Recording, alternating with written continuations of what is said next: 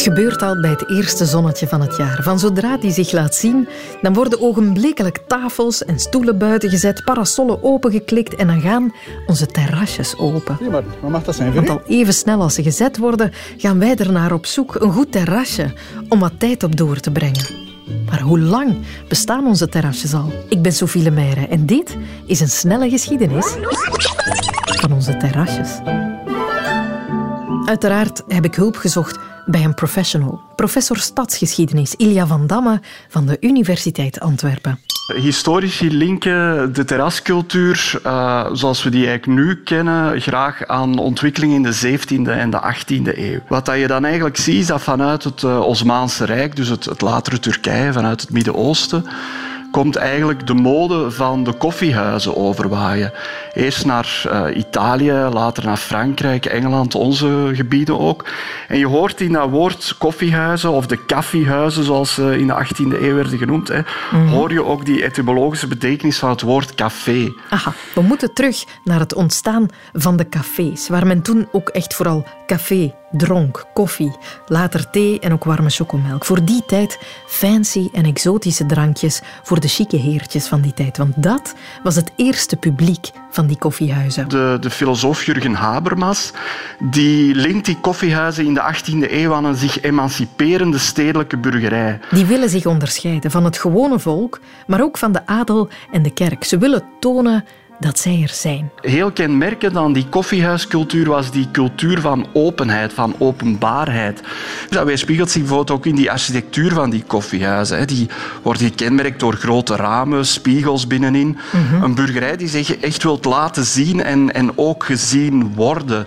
En dus van, van dat laten zien is dan de stap naar eigenlijk een bankje buiten zetten of wat stoelen buiten zetten, is die stap eigenlijk heel snel gezet. Ah, ja. Men wil laten zien, kijk, ik heb vrije tijd om niet s'avonds, maar overdag in die koffiehuizen samen te komen. Dus wanneer het gewone volk eigenlijk uit werken gaat, heb ik de tijd om uh, mij in zo'n koffiehuis terug te trekken en daar eigenlijk met gelijkgezinden, met gelijke burgers over politiek te praten, over filosofie, de, de toekomst van de maatschappij eigenlijk. En ze meenden het. De Franse revolutie is half in die eerste cafés en op die eerste terrasjes in gang gezet.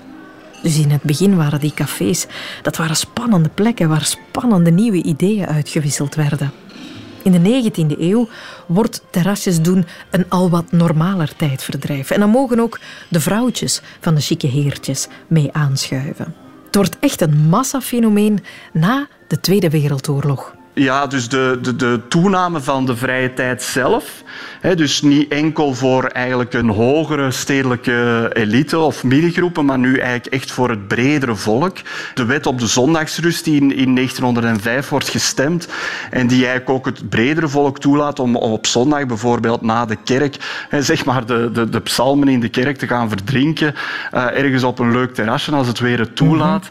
Uh, dat is heel typisch 20e eeuw. Ook, ook na Wereldoorlog II, die, die stijging van de levensstandaard, die het ook toelaat natuurlijk uh, aan mensen om uh, vaker buiten huis iets te gaan drinken of iets te gaan eten. En dan misschien nog wel het meest belangrijke. vanaf de jaren 80 zie je hoe overal in Europa eigenlijk die, die binnensteden ook echt worden omgevormd vanuit die ideeën van een belevingseconomie. Een stadsbezoek moet een totaalervaring zijn. Met leuke mooie wandelboulevards en met overal een plek om iets te eten en te drinken.